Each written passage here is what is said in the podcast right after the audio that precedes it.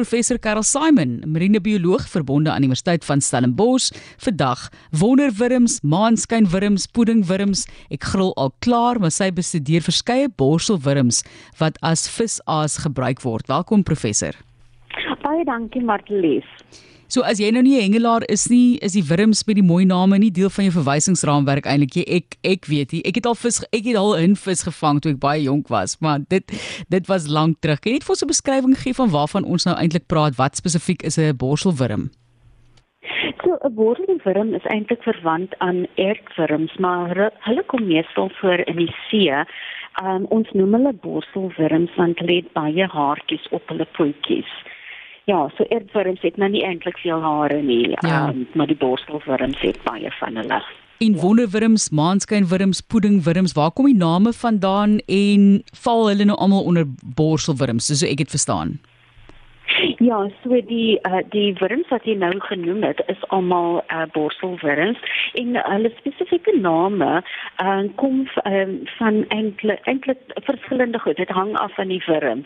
So byvoorbeeld um, die maanskynwurm um, en die bloedwurm is hoe hulle lyk. Like. So die die maanskynwurm, um, die die die vel um, blink so, maar nie net in die maanskyn nie, so dit blink in die dag ook. En dan die bloedwurm is bloed rooi.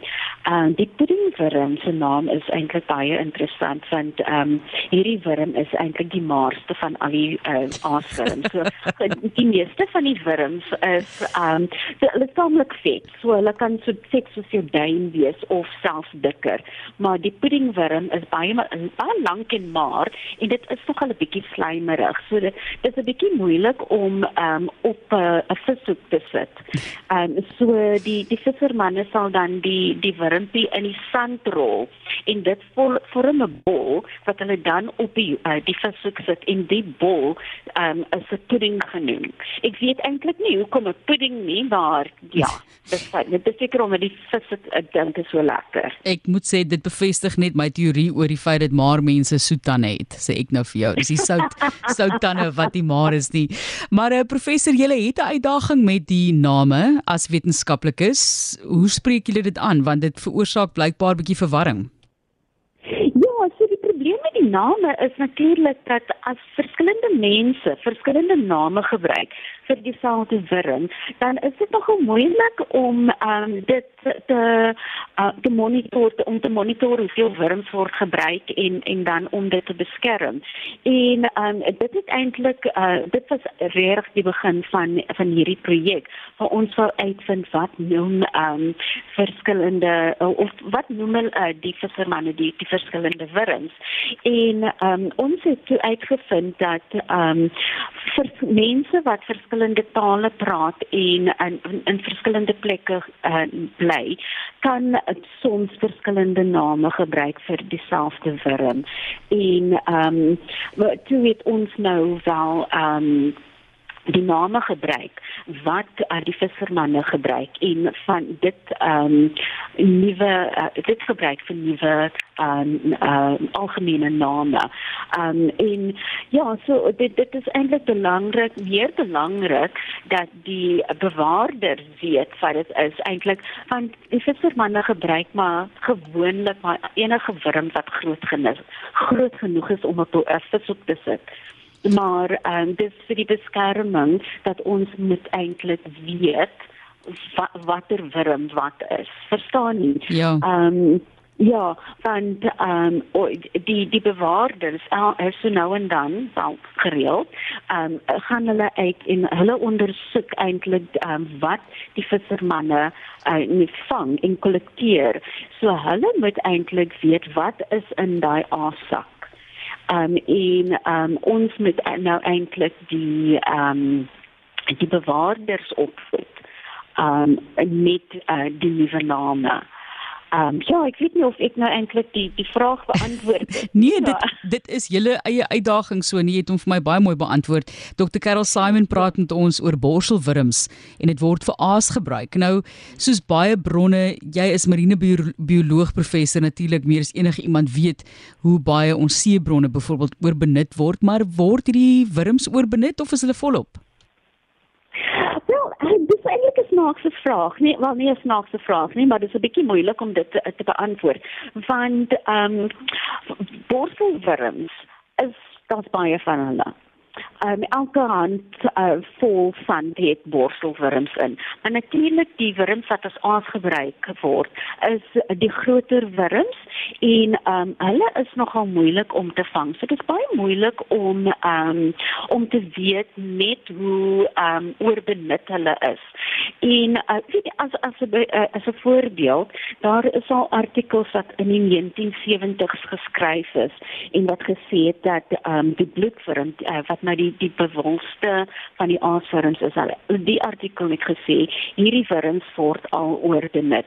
Maar ons het nou onlangs 'n uh, uh, genetiese uh, ondersoek gedoen van bloedvorm van Saldanhabaai tot in Port Elizabeth en die genetiese data sê eintlik dat hierdie spesifieke wurm um, is um, die die populasie is eintlik baie gesond. En ek dink um, al die mense of of, of hengelaars um, hulle uh, kollekteer um, wurms maar um, oor die algemeen is wurms eintlik minder benut as ander um, garnale garnale omdat dit is eintlik 'n bietjie moeilik om die wurms in die eerste plek te vang. Ja, garnale moet 'n mens maar liewer uitlos eintlik, né? Nee? Dit is baie baie lekker, maar dit is so omgewingsvriendelik eintlik om hulle te oes. Maar kom ons praat dan nou net gou juis oor oes. Waar kry mens die wurms? Ek ek is dit nou dink. Ek nou gaan visvang. Ek het nie idee waar ek daai aas gaan opspoor nie. Waarheen gaan 'n mens? Ja, so uh, dit hang af van die tipe wurm. So, ehm um, die een wurm wat eintlik baie maklik is om te vind of te sien, is die uh, koraalwurm. Van hierdie wurms bou ehm um, basies met sand op die rotse. So jy kan hulle eintlik met die oog sien. Jy staan op 'n rots en dan kan jy hulle sien. Daar waar die ehm um, daar dit hulle vorm hierdie basies wat soos jy dit lyk soos koraal um, want dit het hierdie die gaatjies in hom. Maar die meeste wurms moet jy maar vir hulle grawe, soos die die wonderwurm en uh, en die bloedwurm. Hulle lewe in die sand of in grys onder die rotse en jy moet maar diep grawe vir hulle. Partykeer ja, soos tot by jou elm uh, ag nee, jou elmboog, nie tot by jou kielibak in die uh, in die sand vir vir hulle. So dis hoekom ek sê hulle is nogal 'n bietjie moeilik om te vind. Maar uh, die maanskynwurm daar uh, daar daar's eintlik twee spesies van maanskynwurm en die een in Nysna. Hulle bly in in in basies en jy kan hulle maklik sien as jy so rond in die uh, riviermond stap. En die visserman manne vang hulle met 'n stuk draad wat hulle in elkeen van daardie basies in afstoot en dan ehm um, hoek hulle om net uit met daai uh, met die stuk draad is ingeskakel by 360 waar ons die tyd van die week praat oor diere en het 'n mens net laasens 'n permit nodig om hulle te versamel? Want ek is nie seker of jy dit ingesluit het nie. Ja, ja, jy ehm um, jy kan 'n permit koop uh, by die poskantoor. Ehm um, dit is baie duur nie en per dag kan jy ehm uh, tot 5 bloedvorms of 10 ander ehm um, vorms vang. En ehm um, as ek nou weer wil praat oor hoe volop die wurms is, die die beperking op wurms is om die wurms en die omgewing te beskerm. Soos ek nou verduidelik het om ehm um, van die wurms te vang, moet jy nogal diep grawe en daai gate is ehm um, dit dit vat baie lank vir, vir daai gat uh, um, gate om te herstel. So die beperking is eintlik ook om om die ehm um, omgewing te beskerm. En laas laasens gepraat van die om, omgewing, wat is die rol van borselwurms in die natuur in die algemeen? Ooh, hulle het baie rolle. So omdat ehm um, hulle so volop is. Weet die die ehm um, soos ek vroeër vroeër gesê het, uh, elke handvol sand het wurms in en en ehm um, hulle kan tot omtrent 75% van al die diere in daai handvol sand wees of meer. So hulle het 'n uh, verskriklik baie ehm um, rol, hulle speel baie rolle. En uh, een van die belangrikste van hierdie is dat hulle uh, is 'n belangrike skakel in die voedselketting. So visse en voëls eet hulle. As jy byvoorbeeld in uh, in die Bergrivier op die Bergrivier gaan, al uh, baie van daai voëls wat jy daar sien, hulle krap so rond in die sand daar op soek na wurmpies en uh, baie wurms eet ook ander diere. So baie belangrik in die voedselketting. Ehm um, dan is daar wurms wat uh, buise in ehm um, skulpe selfs bene grawe. Ehm so ehm um, ek dink minder as 10 jaar gelede het hulle um um wurms ontdek wat letterlik op die bene van walvisse leef en hulle grawe so in die bene en in die skulpe en dit hier um, dit herwin eintlik die skulpmateriaal en die karkasse.